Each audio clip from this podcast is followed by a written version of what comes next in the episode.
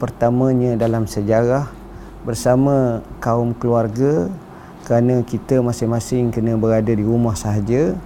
Jadi kita ambil kesempatan untuk mengadakan kuliah mari mengaji bersama menteri.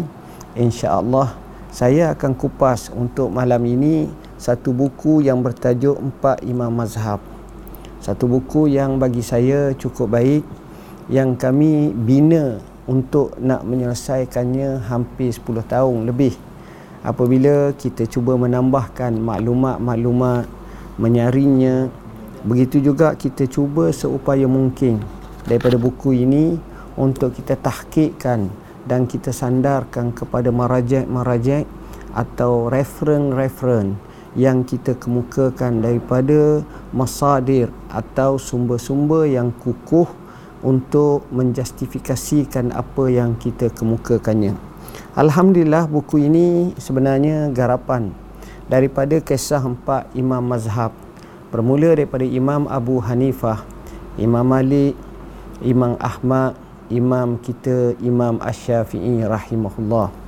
Akan tetapi sebelum kita mulakan ini banyak perkara yang mungkin kita boleh tengok. Perkara yang pertama iaitu berdasarkan kepada imam-imam tersebut masing-masing mempunyai mauqif atau pendirian yang cukup hebat yang sepatutnya kita mengambil pendirian tersebut untuk kita jadikan pedoman dalam hidup kita. Ada orang Arab kata ma tarrijalu walam tamut al mawaqif. Maksudnya seseorang itu atau lelaki-lelaki yang hebat boleh mati. Semua boleh mati. Tetapi pendirian atau sikap prinsip itu tidak mati. Sebagai contoh Sayyidina Umar hebat dia mati. Tetapi sikap keadilannya sifat keadilannya sifat kecanaan kepada rakyat sampai sekarang meniti di bibir manusia. Kita tengok contoh yang lain. Apabila kita sebut Salahuddin Al-Ayyubi dia sudah meninggal dunia tapi prinsipnya dan semangatnya dalam membuka kota Baitul Maqdis sepatutnya ditulis dengan tinta emas dalam sejarah. Kita tengok seperti Muhammad Al-Fatih pembuka kota Istanbul atau kota Konstantinopel yang Nabi sabdakan Rasulullah sallallahu alaihi wasallam menyatakan la tuftahunnal Konstantiniyatu falani'mal amiru amiruha wala ni'mal jaish zalikal jaish. Maknanya di sini jelas menunjukkan kita mungkin mati. Sebab itu ada asas dan benarnya uh, manusia mati meninggalkan nama sedangkan apa yang kita kata harimau mati meninggalkan belang. Tapi sejarah kebaikan yang menjadi satu contoh yang terbaik tetap akan wujud dalam lipatan sejarah yang boleh kita semak yang boleh kita terokainya sidang penonton yang dirahmati Allah dalam hari ini insya-Allah saya nak bincang satu sahaja imam dan insya-Allah kita akan sambung lagi pada masa yang lain imam-imam seterusnya. Dan imam yang kita nak pilih adalah berdasarkan kepada kronologi. Apa makna kronologi? Maknanya kami akan tengok dari segi tarikh dari segi sejarah macam mana kalau imam tersebut kalau kita tengok betul-betul dia mempunyai sejarah yang mana lebih awal yang lebih utama antara satu sama lain. Dari segi kita kata sejarah kelahirannya hak mana hak pertama hak mana hak kedua dan seterusnya. Hadirin hadirat muslimi muslimat yang dirahmati Allah kita mulakan dengan imam yang pertama Imam Abu Hanifah Orang mungkin tak perasan siapa itu Imam Abu Hanifah. Ada orang sebut Imam Hanafi ataupun mazhab Hanafi. Imam Abu Hanifah adalah seorang imam yang mempunyai ilmu yang cukup hebat. Sehingga dipanggil sebagai Imamul Azam, imam yang agung, yang hebat, alim, faqih, bijak, berasal daripada negeri Iraq. Imam Abu Hanifah ini dilahirkan pada zaman pemerintahan kerajaan Umayyah yang juga ketika pemerintahan Abbasiyah kerana dia lahir sekitar tahun 80 Hijrah. Kerajaan Umayyah bermula 40 Hijrah berakhir 132 Hijrah. Ertinya dia sempat dalam dua dinasti, Abbasi dan juga Umawi. Umawi mula-mula kemudian Abbasi. Imam Abu Hanifah ini dilahirkan pada masa pemerintahan Abdullah bin Marwan dan meninggal dunia pada zaman khalifah yang pertama iaitu Abdul Malik bin Marwan dan dia meninggal dunia pada masa khalifah yang pertama iaitu khalifah Abi Ja'far Al-Mansur. Khalifah yang kita anggap pengasas utama. Walaupun dimulakan dengan Abdul Abbas As-Saffah oleh uh, kerajaan Abbasiyah tapi yang menegakkannya yang mengimarahkan kerajaan Abbasiyah selama 500 tahun bermula dengan khalifah Abu Ja'far Al-Mansur. Zaman tu tuan-tuan dan puan-puan yang dirahmati Allah adalah zaman di mana terkenanya kekuatan ilmu. Zaman tersebut adalah zaman terkenal dengan kekuatan ilmu percambahan para ulama tokoh-tokoh ramai dan zaman tabi'in serta zaman tabi'in tabi'in yang merawikan daripada para sahabah radhiyallahu anhum jadinya saat seperti itu, kecerdikan, kebijaksanaan, kehebatan itu adalah amat-amat jelas dan amat-amat hebat. Sementara lagi zaman tersebut adalah zaman besarnya negara umat Islam. Tapi balasannya atau bayarannya cukup mahal. Ketika itulah pemikiran yang pelbagai. Fitnah yang pelbagai. Puak-puak perkauman pun banyak. Juga aliran-aliran yang tidak benar dan tak betul pun banyak muncul ketika itu dengan hmm, macam-macam ideologi yang menyebabkan seseorang itu memerlukan sejumlah kecerdikan dan doa kepada Allah di samping mencari dahan yang kukuh daripada terhanyut jatuh daripada lembah kesesatan dan sebagainya. Menariknya Abu Hanifah ini sebagaimana yang kita ketahui bahawa beliau dilahirkan pada tahun 80 Hijrah dan ada juga kata tahun 61 Hijrah. Tapi maklumat yang sebenarnya adalah pada tahun 80 Hijrah Abu Hanifah ini keturunannya ataupun nama sebenarnya ialah Nu'man nama dia Nu'man dan keturunan beliau selanjutnya adalah bin Sabit bin Zuta, Ma'ah, Mulli, Taimullah dan akhirnya Sa'labah. Abu Hanifah ini dikatakan salah seorang daripada uh, ulama daripada Iraq yang terkenal yang dinisbahkan kepadanya dengan nama Zuta. Zuta ini yang dikatakan uh, perkataan Zuta ini memberi makna ialah perkataan daripada bangsa asing iaitu daripada ajam kalimah zuta tersebut dan disebut dalam bahasa Parsi juga salah satu daripada keturunannya dipanggil sebagai Al-Marzuban Al-Marzuban ini dengan makna ketua kaum Parsi yang merdeka. Ini sebahagian daripada pandangan para ulama. Justru para tokoh menyatakan, tokoh sejarah dia kata Abu Hanifah ni ada kata dia ni bukan keturunan Arab. Tapi mengikut apa yang dinyatakan bahawa dia ni memang berasal daripada golongan orang Arab yang digelar sebagai maula iaitu mereka yang tidak berbangsa ada juga kata tidak berbangsa Arab dan tidak berasal daripada keturunan Arab ada juga beri pandangan seperti itu tapi sebenarnya bukanlah seperti itu yang dinyatakan maknanya pendapat yang paling kuat adalah beliau ini daripada keturunan orang-orang Arab. Ini kita boleh lihat dalam kitab Tabaqat Al-Kubra, Al-Kamil fi Du'afa dan lain-lain lagi. Betapa hebatnya Imam Abu Hanifah dikatakan beliau termasuk dalam hadis Nabi sallallahu alaihi wasallam yang disebut jika ilmu pengetahuan tertentu kepada hartawan sahaja maka semua orang Parsi akan berilmu pengetahuan. Maknanya mungkin maksud orang Parsi ni memang ramai yang kaya zaman dulu. Bapa Abu Hanifah ini dilahirkan dalam keadaan orang Islam. Nu'man bin Sabit ni daripada orang Islam. Dan dikatakan beberapa pendapat ahli sejarah mengatakan beliau dilahirkan di Tarmuz atau di Nisa. Tarmuz kita dengar ada ulama hadis namanya Imam Turmizi, Tarmuzi, Tirmizi, Turmuzi itu sebahagian bacaan. Nisa ni kita dengar nama imam seperti Imam An-Nasai. Ini ulama hadis. Uh, dikatakan bapa Imam Abu Hanifah ialah seorang peniaga dan satu keturunan dengan bapa saudara Rasulullah sallallahu alaihi wasallam. Maknanya susu galuh tu akhirnya sampai Manakala neneknya pula Zuta adalah hamba kepada suku Bani Tamim. Ada pula berpendapat yang tak setuju dengan perhambaan. Mereka berkata bahawa Imam Abu Hanifah berbangsa Parsi. Kami telah nyatakan pendapat yang masyhur. Ibu Abu Hanifah ni orang hebat tuan-tuan. Kalau kita baca di sini bila orang sebut bapa, orang sebut ibu, apa makna?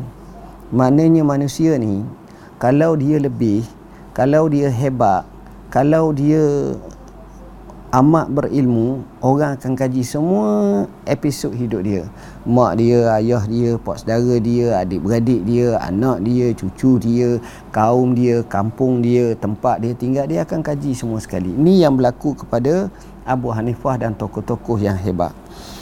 Ibu Abu Hanifah seorang yang mengambil berat terhadap anaknya Nu'man. Ha, jadi nak tahu hebatnya anak ibu ni mesti memainkan peranan utama. Orang Arab sebut al-ummu madrasatun in adatta adatta sya'ban tayyibal araki ibu tu sebagai sekolah kalau kamu sediakannya maknanya kamu jadikan kamu cari ibu yang baik yang bijak yang hebat maka dia kamu telah menyediakan satu generasi yang hebat satu bangsa yang hebat Kenapa daripadanya lah banyak dia latih. Imam Abu Hanifah ni dia kata nak tahu mak dia hebat tak dia kata setiap hari kalau pagi-pagi dia nak pergi belajar mak dia akan beri tips nasihat. Dan tip nasihat tu ghalibnya benar-benar mengenai sasaran. Maknanya katakan Abu Hanifah tu hari ni dia buat satu benda lah. Dia guram melampau dengan kawan dia katakan. Pagi esok mak dia akan cakap dengan dia ya Nu'man jangan kamu buat macam ni. Jangan berguram melampau hari lain mungkin dia tertidur banyak contohnya ha, maka esokannya mak dia akan kata janganlah tidur banyak seumpamanya. Jadi kebanyakan nasihat tu tepat. Apa yang berlaku? Menyebabkan satu ketika Abu Hanifah sedang nulis bajunya terkena dakwah. Jadi bila terkena dakwah dia segera berlari dekat dengan sumur. Zaman dulu tak ada pilih air ada sumur je dia tengok ramai wanita sedang basuh baju dia pun pergi sumur tu nak pergi ambil air untuk nak basuh baju dia. Bila ini berlaku dia tengok mak dia ada. Lalu dia tanya mak buat apa di sini? Mak dia kata nak basuh baju Nu'man moral storynya sebenarnya Abu Hanifah faham. Rupa-rupanya ketika dia belajar tu mak Abu Hanifah perhati dia dari jarak jauh. Dia tengok dan inilah kelemahan kita termasuk saya lah kadang-kadang anak kita belajar kita tak pernah bertemu pun tak pernah tengok pun tak pernah tahu khabar pun. Kadang-kadang pintu sekolah pun tak kenal hak mana. Jadi sepatutnya kalau kita boleh buat macam itu kita telah membina satu jambatan yang baik antara ibu bapa dengan guru-guru dan juga rasaan emosi anak-anak tersebut. Kemudian kita nak bincang pula tentang uh, anak Abu Hanifah. Anak Abu Hanifah ini Abu Hanifah ni dia punya ramai anak. Salah seorang anaknya bernama Hamad anak dia seorang tu nama Hamad macam anak saya lah tuan-tuan. Ada seorang nama Hamad anak Abu Hanifah bernama Hamad seorang yang mempunyai ilmu agama dan warak. Uh, Hamad ni orang yang ilmu agama. Dia begini. Uh, orang ni biasanya dia beri nama seseorang tu berdasarkan kepada apa yang dia kagum oleh kerana Tok Guru Abu Hanifah namanya Hamad Lalu bila dia dapat anak, dia beri yakni bila Abu Hanifah belajar lama dapat anak, dia beri nama Hamad. Ha, itu Hamad. Hamad ni maknanya yang amat-amat apa ni memuji, memuja, memujilah. Tak kala Abu Hanifah meninggal dunia, beliau meninggalkan banyak harta sedangkan kaum keluarganya berjauhan. Tengok. Ni Hamad ni orang baik. Lantas Hamad membawa semua hartanya kepada hakim untuk diserahkan. Dia pergi kat gubernur, kat hakim, qadi, dia kata ambil. Hakim berkata bahkan sepatutnya kamu simpan kerana kamu layak. Jawabnya, siapa dia jawab? Imam uh, anak Abu Hanifah ni Hamad kata timbanglah dan simpanlah sehingga selesai zimmah dan ta- atau tanggungjawab bapaku. Kemudian lakukanlah mengikut keputusanmu. Lantas qadi melaksanakan hingga kekal dalam timbangannya dan hisapnya beberapa hari Hamad tidak muncul sehingga qadi menyerahkannya semula. Apa makna? Maknanya ini cermat orang zaman dulu orang yang soleh. Dia tidak bila satu keluarga tu mati terus nak berebut nak bersaka. Tak dia akan pergi kat qati ataupun hakim. Hakim akan war-warkan. Akan bagi tahu siapa yang ada hutang dengan Abu ha-, Hanifah. Mana dalam kes ni lah. Siapa yang Abu Hanifah pernah berhutang atau tak bayar lagi atau tak ni tak ni maka pada masa itu orang yang menuntut hutang akan menuntut bayar. Bakian daripada hutang tersebut selesai semua sekali daripada harta tersebut barulah dibahagi pada keluarga. Itu waraknya Hamad rahimahullah dan dia tak berebut harta abah dia untuk dia seorang tapi dia bagi seperti itu. Baik kita nak tengok sikit tentang sifat Zahir Abu Hanifah ni ataupun tubuh badan Abu Hanifah ni. Sebab bila orang kaji dia kaji semua. Abu Hanifah ni gelap sikit warna kulitnya kemerahan dan keputihan nak kata yalah nak itu gambaran warna. Orangnya sederhana tinggi baik wajahnya dan tampak kehebatan. Ni untuk guru besar Abu Hanifah. Mempunyai janggut yang panjang serta keadaan tenang. Kalau orang tengok dia nampak tenang je. Ha, janggut dia panjang. Ni Abu Hanifah baik tutur kata percakapannya. Seorang yang fasih dan banyak memakai wangi-wangian apabila keluar daripada rumah. Nabi ini salah satu perkara yang dia suka dia pakai wangi. Minyak wangi. Jadi Abu Hanifah pun macam tu. Suka pakai minyak wangi. Kita banyak orang bagi minyak wangi tapi kita tak pakai. Ha, ini pun satu kelemahan kita lah.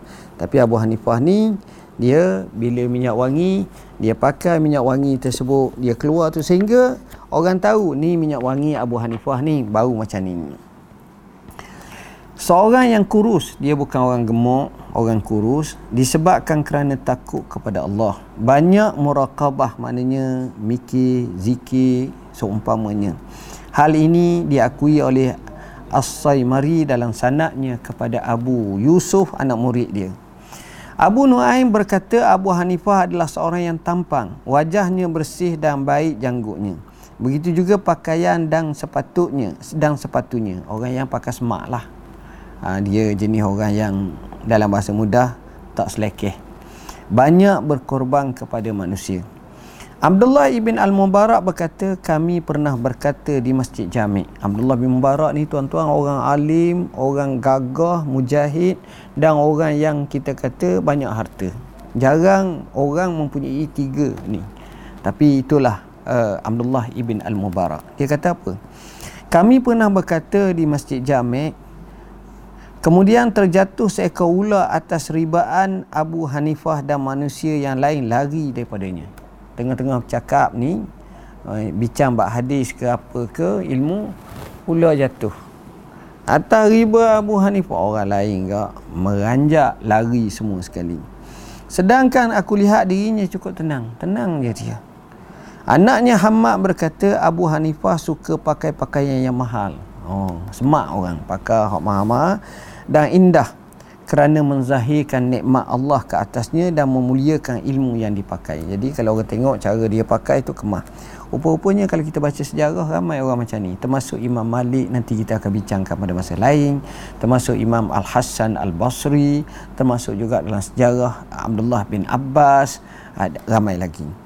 Hal ini bertepatan dengan satu hadis Nabi sallam, "Faiza ataqallahu malan falyuri asa asara nikmatillahi 'alaika wa karamati." jika Allah kurniakan kepada kamu harta maka perlihatlah kesan nikmat Allah ke atas kamu dan kemuliaannya. Sifat dan perwatakan Abu Hanifah. Macam mana Abu Hanifah ni? Abu Hanifah ni orang yang baik tutur katanya Ah, macam saya sebut tadi lah dia suka pakai minyak wangi dia jaga kebersihan dan tak nampak kotor sedikit pun. Saya ni banyak kotor tapi Abu Hanifah dia orang yang cukup-cukup hebat jaganya. Kemudian bila orang tanya dia kenapa pakar mahal pakar cantik pakar ni? Begian pertama memang dia orang kaya kedua dia sendiri menyatakan Rasulullah SAW bersabda innallaha yuhibbu an yara asara nikmatihi ala abdihi. Allah suka kalau orang tu zahirkan nikmat Allah ke atas hambanya. Maknanya dengan pakaiannya dengan apa semua sekali ni. Ni Abu Hanifah. Akhlak Abu Hanifah. Abu Hanifah ni daripada awal lagi telah dijaga akhlaknya. Cukup baik mempunyai kelebihan yang hebat maka kita akan tengok akhlak sebagai akhlakul ulama. Wujud pada Imam Abu Hanifah lebih-lebih lagi dia dapat secara langsung daripada guru-gurunya yang luar biasa itu.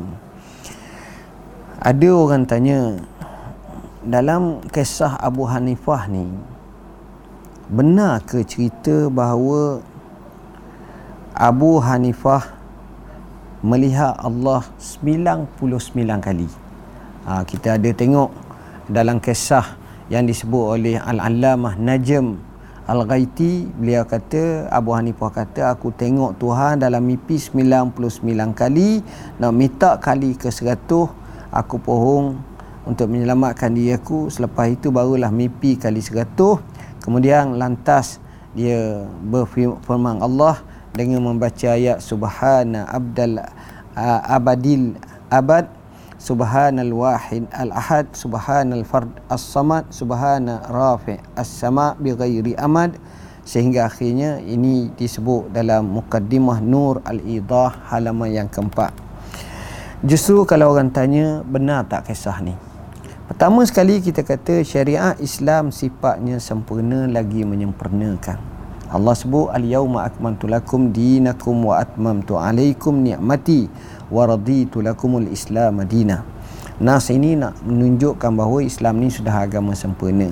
Jadi cerita tentang doa nak suruh jadi ini ni masalah ini uh, telah dibahaskan oleh para ulama dengan panjang lebar.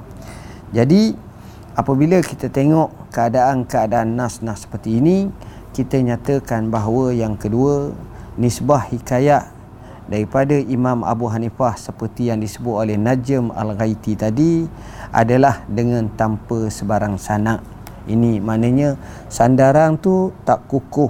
Jadi bila sanak tak ada eh, maka sukar untuk dinisbahkan kepada Imam Abu Hanifah. Bahkan jarak antara yang cerita Al-Ghaiti tu Najm Al-Ghaiti dengan Abu Hanifah ni jaraknya ratusan tahun ini kerana Abu Hanifah meninggal dunia 150 Hijrah sedangkan Ghaiti meninggal dunia 981 tahun 91 Hijrah. Jadi macam mana orang yang mungkin kat 7 ke 800 tahun mengisbatkan satu peristiwa tentang Abu Hanifah mimpi 99 kali kemudian cukup kemudian begini maka ini menyalahi dari segi sanak yang kuat yang kita kata in kuntana kilang fa alaika bitashih wa in kunta mudda'i yang fa alaika dalil kalau kamu nak nukil kena tashih dulu maklumat tersebut. Kalau kamu nak buat sebarang dakwaan datangkanlah dengan dalil. Ibadah Abu Hanifah. Abu Hanifah ni orang macam mana? Pertama, satu kelebihan luar biasa Abu Hanifah ni ngapa Quran. Khatam pada setiap bulan sebanyak 30 kali. Kita kalau boleh sebulan sekali mujur alhamdulillah. Begitu juga kata Hafaz bin Abdul Rahman, aku juga pernah bersama Imam Abu Hanifah selama 30 tahun. Tiga, beliau khatam Quran setiap tiga hari dan bersedekah pada setiap hari. Ha, perangai dia suka sedekah. Ini Abu Hanifah. Tengok. Sedangkan dia orang kaya. Maknanya bukan makna sedekah ni jadi fakir ke, jadi miskin ke. Tidak. Abu Hanifah ini dikatakan sebenarnya dia khatam sama ada sehari atau tiga hari dijawab oleh ulama dengan permulaannya setiap hari sekali khatam. Kemudian apabila sibuk masyhur dengan pengajaran dan seumpamanya jadilah tiga hari sekali. Maknanya kalau boleh kita pun duduk cuti di rumah ni duduk uh, di, di, di, disuruh berada di rumah cubalah pegang Quran bacalah Quran tengok Quran uh, ganti sebahagian daripada Facebook sebahagian daripada telefon kita pegang Quran baca Quran begitu juga beliau terkenal sebagai dengan kekuatan qiyamul lail dan puasa sunat siang hari.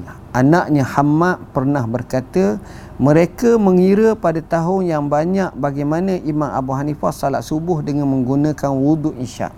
Kerap kali. Sebab apa? Kalau kita tengok orang-orang macam ni, yang pertama pemakanan dia dia jaga.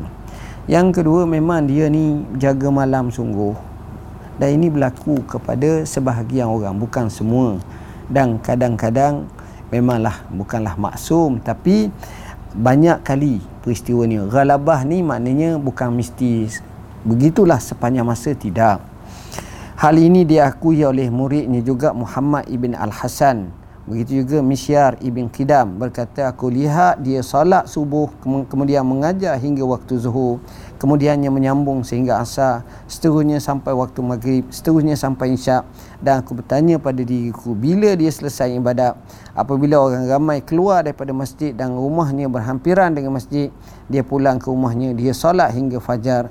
Beliau hanya cukup tidur kailulah.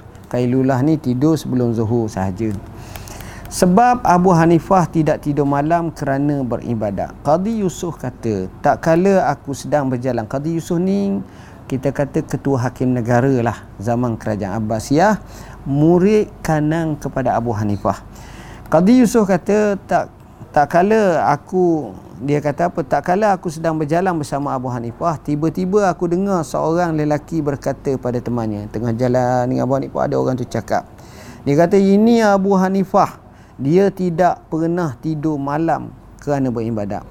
Maka lantas Abu Hanifah berkata wallahi tidaklah orang bercakap tentangku dengan apa yang dia yang tidak aku lakukan. Justru beliau menghidupkan malam untuk solat munajat dan doa. Maknanya biasanya dia semayang malam tu separuh je ataupun uh, 2 3 jam je. Tapi dengan dengan sebab orang tu kata kat dia begitu macam kita orang dah puji siapa tahap tu makin kuranglah ibadat.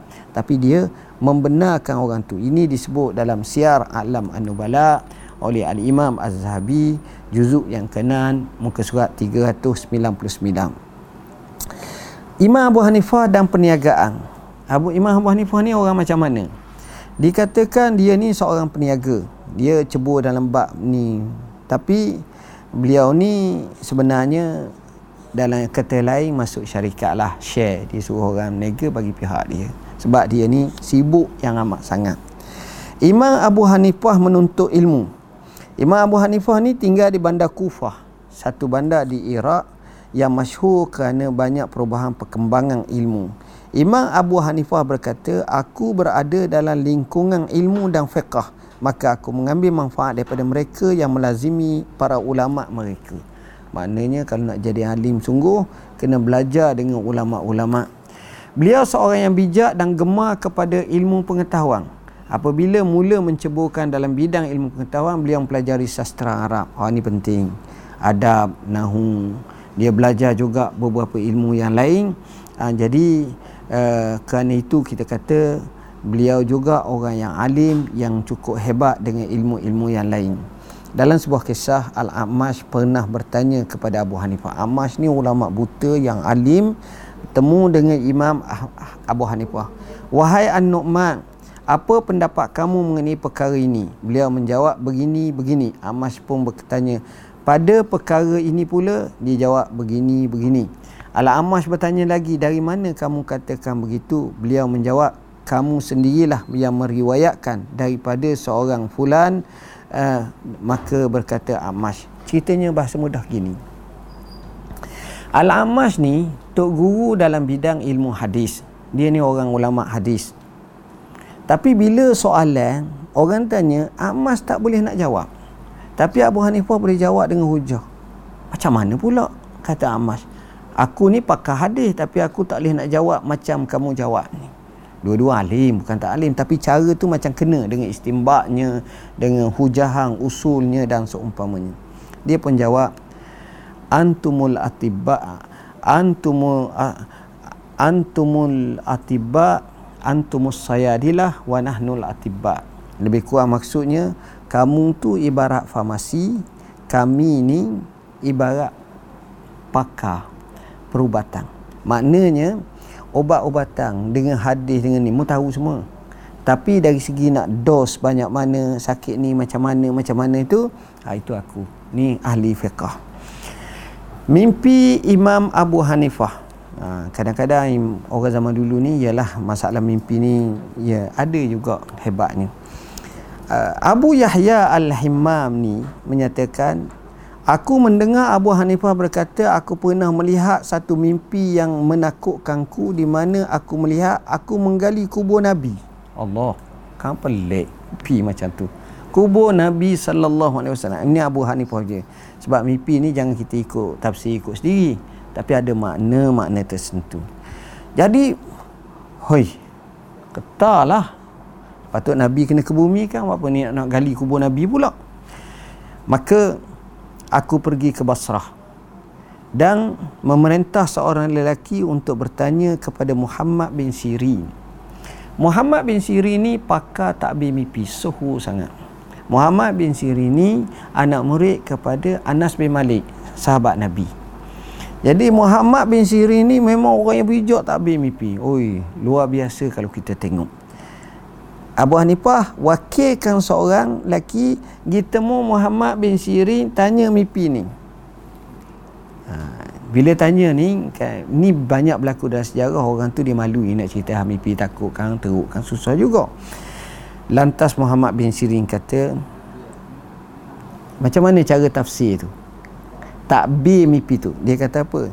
Lelaki yang kata dia pergi kat kubur Nabi kat makam Rasulullah SAW dia gali itu orang itu adalah orang yang menggali perkhabaran dan mengkaji sirah Rasulullah sallallahu alaihi wasallam. Tengok kan baik kan mimpi macam tu. Ini kita boleh ha-, lihat dalam Siar Alam Nubala uh, juzuk ke-6 muka surat 398. Guru-guru Imam Abu Hanifah ni banyak. Sebab itu orang alim zaman dulu tak ada yang tak berguru. Dia tak kata saya ni dapat ilmu laduni saya ni tak payah belajar. Tak dia akan belajar. Sebagaimana yang disebut bahawa guru Abu Hanifah melebihi 4000 orang. Ramai belajar rajin tujuh daripada mereka adalah para sahabat Ali bin Abi Talib ada kata dia sempat ada kata dia tak sempat tapi kalau kita tengok dalam keadaan uh, Abu Hanifah lahir 80 Hijrah, Ali meninggal tahun 39, maka tak sempat lah. Ada yang dikatakan sempat, ada yang tak sempat. 93 orang gurunya di kalangan tabi'in. Hak ni masyhur sangat. Uh, tabi'in. Antaranya Hamad bin Abi Sulaiman Al-Ash'ari yang banyak sekali menimba ilmu. Ni Tok Guru dia sebab tu anak dia pun nama Hamad. Uh, Imam Abu Hanifah kerana mengenangkan jasa Tok Guru dia, dia gati tok guru dia kata apa? Aku tak pernah meninggalkan doa restuku kepada guruku yang dikasihi. Kita ni kalau boleh selalu doa untuk tok guru kita. Ha, kita. Ilmu tajwid diambil daripada Idris bin Asir ilmu Ibrahim bin Muhammad Al-Muntashir seorang yang siqah. Banyaklah kalau saya nak sebut kalau 4000 Pak Malang pun dah habis. Ceritanya nak cerita itulah kelebihan Imam Abu Hanifah. Dan kita nak tengok juga Imam Abu Hanifah ni dia pernah bertemu tak dengan Imam Malik? Orang ulama besar di Mekah ia di Madinah yang akan kita ceritakan lain pada kedua ni pernah bertemu. Walaupun tempatnya lain satu di Basrah di di di di, di, di uh, Imam Malik pula di kota Madinah. Tapi mengikut riwayat Muhammad bin Ayyub bin Daris Ahmad bin Sabah menceritakan aku mendengar Imam Syafi'i berkata ditanya kepada Imam Malik adakah kamu bertemu Abu Hanifah Sepak dah bertemu. Imam Malik lahir 93 Hijrah ataupun 94 atau 95 atau 97. Imam Abu Hanifah lahir 80 Hijrah. Mana beza tu lebih kurang 13 tahun, 14 tahun, 15 tahun. Tapi sempat sezaman. Jadi kata Imam Malik ya aku pernah melihat beliau seorang lelaki yang mempunyai kekuatan hujah. Imam Abu Hanifah ni kalau debat orang kalah orang. Ha, dia bijak sangat dia ni. Kalau dia berbicara kepada kamu berkenaan tiang ini emas. Dia tengok tiang biasa dia kata ni mah ni. Nescaya dia mampu menghujahkannya. Kuat hujahan dia. Ini kita boleh lihat dalam kitab Syiar Al-Nubala. Begitu juga manaki Imam Abu Hanifah dan Wafayat Al-Ayam cara pembelajaran dan pengajaran Imam Abu Hanifah. Macam mana cara dia belajar dan dia mengajar? Imam Abu Hanifah ni seorang yang ulung dalam mengasaskan ilmu kias. Macam mana nak kias? Ni dengan ni dengan ni. Kaedah ini berkembang dengan menjadi dasar hukum. Dan dikatakan uh, beliau ini selalu bila tok guru dia musafir dia ganti tok guru dia dia telah jawab soalan-soalan Apabila tuan gurunya pulang dari musafir, beliau minta gurunya supaya memeriksa jawapan yang telah diberikan. Gurunya hanya bersetuju 40 daripada 60 jawapan. Dari situ beliau berjanji tak akan berpisah dengan gurunya Hamad. Dia terus belajar sampai ini. Begitu juga dikatakan kaedah Imam Abu Hanifah dalam pengajarannya antaranya adalah dengan mengajak muridnya untuk munakasyah. Ha, Okey, kita bincang tajuk ni. Ha, apa pendapat awak? Apa-apa. Orang kata gedak gini. Tak, dia kata gini-gini. Jadi ini sebenarnya harakatul akal. Gerakan akal tu nak jadi cerdik. Ketika mana dibentangkan kepada beliau satu hadis Nabi, maka beliau akan mengajak pada pelajarnya untuk munakasyah mencari illah bagi hukum tersebut. Dia bukan macam satu hadis. Ha, dia kata hadis ni mau faham ke mana? Macam mana? Macam mana? Bincang betul-betul. Itu ni fiqhi. Beliau mengatakan perumpamaan seorang yang mempelajari hadis tanpa fiqah seumpama pengumpul obat yang tidak mengetahui kegunaan obat yang dikumpulkannya. Apa manfaat beli obat ni, obat ni tapi tak tahu manfaat sangat. Cara pengajaran Abu Hanifah macam mana? Yang pertama dengan cara kemudahan dalam ibadat dan pekerjaan harian. Ah, ha, dia ambil lah hukum ni hukum ni mudah. Menjaga hak fakir miskin. Ha, dia jaga mengakui peradaban hidup manusia memelihara penghormatan dan memberi kuasa penuh kepada kerajaan dan ketua-ketua negara. Ha, ni cara pandangan dia. Macam mana? Kerajaan atau ketua-ketua berhak menguruskan kekayaan negara seperti tanah dan sebagainya untuk kepentingan umum. Berdasar-dasar tu memang itulah dasar yang selalu dilakukan uh, di sini saya nak sebut sikit sahaja. Mungkin ini pun penting sangatlah. Saya ambil masa 5 minit lagi. Iaitu nasihat Imam Abu Hanifah. Dia Tok Guru Besar ni kadang-kadang banyak nasihat ni. Saya sebut ni dalam muka surat 30 tuan-tuan boleh dapatkanlah buku ni. insyaAllah daripada Pustaka Cahaya Kasturi yang kami buat hampir 10 tahun dulu. Siapa? Baru siap. Kat 10 tahun. Baik. Uh, nasihat Imam Abu Hanifah. Saya baca sepitah lalu. Antara dia nasihat dia kata jangan supaya jangan ketawa atau tersenyum simpul di khalayak ramai. Sejadah kokah-kokah tawa ataupun senyum saja. Jadi benda tu tak apa comel tadi. Oh dia begitu cara. Sekali-sekala mungkin biasa. Jangan selalu pergi ke pasar-pasar. Oh, jangan selalu pergi pasar. Ni pasar ni pergi lama. Mana pergi duduk lama apa. Pergi sekali-sekala tu. Okeylah tu kau Jangan bercakap dengan anak muda remaja. Hmm, kita pun tak faham macam mana eh. Tak boleh cakap anak muda. Patut kita boleh lah eh. Bro, gini. Tapi di sana mungkin setengah-setengah orang dia mempunyai makna nawaya niat yang tak baik. Ha, ada yang berlaku apa-apa ni. Sebab itu banyak sangat dijaga ni Abu Hanifah. Imam Abu Hanifah kata hendaklah engkau menghormati guru dan orang tua. Jangan berjalan bersama mereka di jalan raya kerana ia akan mengurangkan darjat mereka. Hormat macam tu.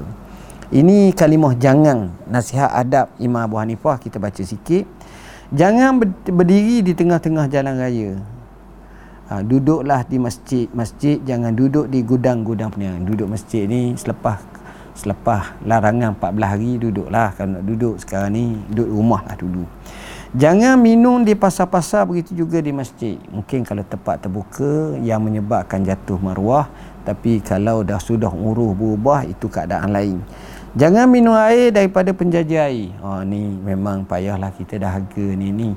Ini lebih daripada akhlak ni. Uh, kami tengok di negeri Arab memanglah kalau tok-tok besar tu tidak minum walaupun nampak dia dahaga sangat tapi kita masa belajar kita tengok air tamar hindi air asam jawa kita minum tengah-tengah panah. Jangan memakai pakaian sutera kerana ianya membawa kepada kelemahan. Terutamanya lelaki lah tak boleh. Jangan bergurau senda melampau-lampau. Tak boleh. Jangan bercakap dengan perempuan-perempuan lain di hadapan isteri kerana akan menimbulkan fitnah. Hijau cara nasihat dia. Jangan berkahwin dengan perempuan yang kaya raya. Oh pelik ni melahirkan dengan syarat mereka tidak tinggal bersama keluarganya kerana bapanya akan mendakwa semua harta benda adalah hak miliknya. Oh ni pun kena kena tafsir betul. Nanti kena syarah satu tajuk khas. Mesti ada makna tu tapi tak apa masa lain. Jangan mengadakan majlis perkahwinan di rumah pengantin perempuan kerana akan membawa kepada perbelanjaan yang banyak. Tu juga tau perempuan dia nak hot ni nak hot ni nak hot ni lebih. Jadi kena buat. Ha, pengantin lelaki tu sikit-sikit Okey, jangan berkahwin dengan perempuan yang mempunyai anak yang ramai sama ada lelaki atau perempuan kerana ia akan menyimpan dan mencuri makanan, mencuri harta kamu untuk dibelanjakan pada anak-anaknya. Ini ini cerita zaman dulu macam mana pengamatan Imam Abu Hanifah. Baik. Jangan apa ni berkahwin sebelum engkau berkuasa memberi nafkah kepada isteri dan anak-anak. Belajarlah dahulu sebelum berkahwin dan mengumpulkan harta kemudian barulah kahwin. Oh bagus juga nasihat dia. Cuba sekali lagi kita baca. Jangan berkahwin sebelum engkau berkuasa memberi nafkah kepada isteri dan anak-anak. Mana betul lah hadis Nabi. Ya masyarakat syabab. Manis tata aminkumul ba'ata. Kalau mampu lah baru kahwin. Ha, dan sebelum kahwin dan ha, kena kerja dulu belajar dahulu sebelum kahwin ha, kena belajar sebab belajar ni dalam bab ilmu macam mana nak ajar anak isteri tak boleh uh, sebelum kahwin dan kumpullah harta. Sebab kita kahwin tapi naik basikal je. Kesian kat isteri kita. Begitu juga. Dia ada mampu barulah kahwin. Jadi itu sebahagian nasihat Imam Abu Hanifah. Dan kalau kita baca lagi banyak nasihat-nasihat dia. Jangan bakhil atau kedekut kerana perangai tersebut adalah memalukan. Saya ingat nasihat-nasihat ni mungkin kita syarah lain kali sekadar itulah yang dapat saya sampaikan pada malam ni dengan tajuk apa ni mari mengaji bersama menteri uh, dengan tajuk kisah Imam Abu Hanifah mazhab yang empat. Kita akan sambung pada waktu yang saya lapang insya-Allah bismillahirrahmanirrahim Alhamdulillahirabbil alamin wassalatu wassalamu ala asyrafil anbiya'i wal mursalin wa ala alihi washabihi ajmain. Allahumma faqihna fid din, alimna ta'wil. Allahumma ij'alna minal ladzina yastami'una al-qawla fayattabi'una ahsana. Allahumma rabbana hab lana min azwajina wa dhurriyyatina qurrata a'yun waj'alna lil muttaqina imama. Allahumma inna nas'aluka ilman nafi'a wa rizqan tayyiba wa amalan mutaqabbala. Allahumma inna na'udzubika min jahdil bala wa darakis syaqa wa su'il qada wa syamatatil a'da. Allah اللهم إنا نعوذ بك من زوال نعمتك وتحول عافيتك وفجاءة نقمتك وجميع سخطك اللهم يا الله يا الله اقضي حاجتنا يا الله اللهم يا الله يا الله نعوذ بك من البرص ومن الجنون ومن الجزام ومن سيء الأسقام اللهم ربنا آتنا في الدنيا حسنة وفي الآخرة حسنة وكنا عذاب النار وصلى الله على سيدنا محمد وعلى آله وصحبه وسلم والحمد لله رب العالمين والسلام عليكم ورحمة الله وبركاته السلام.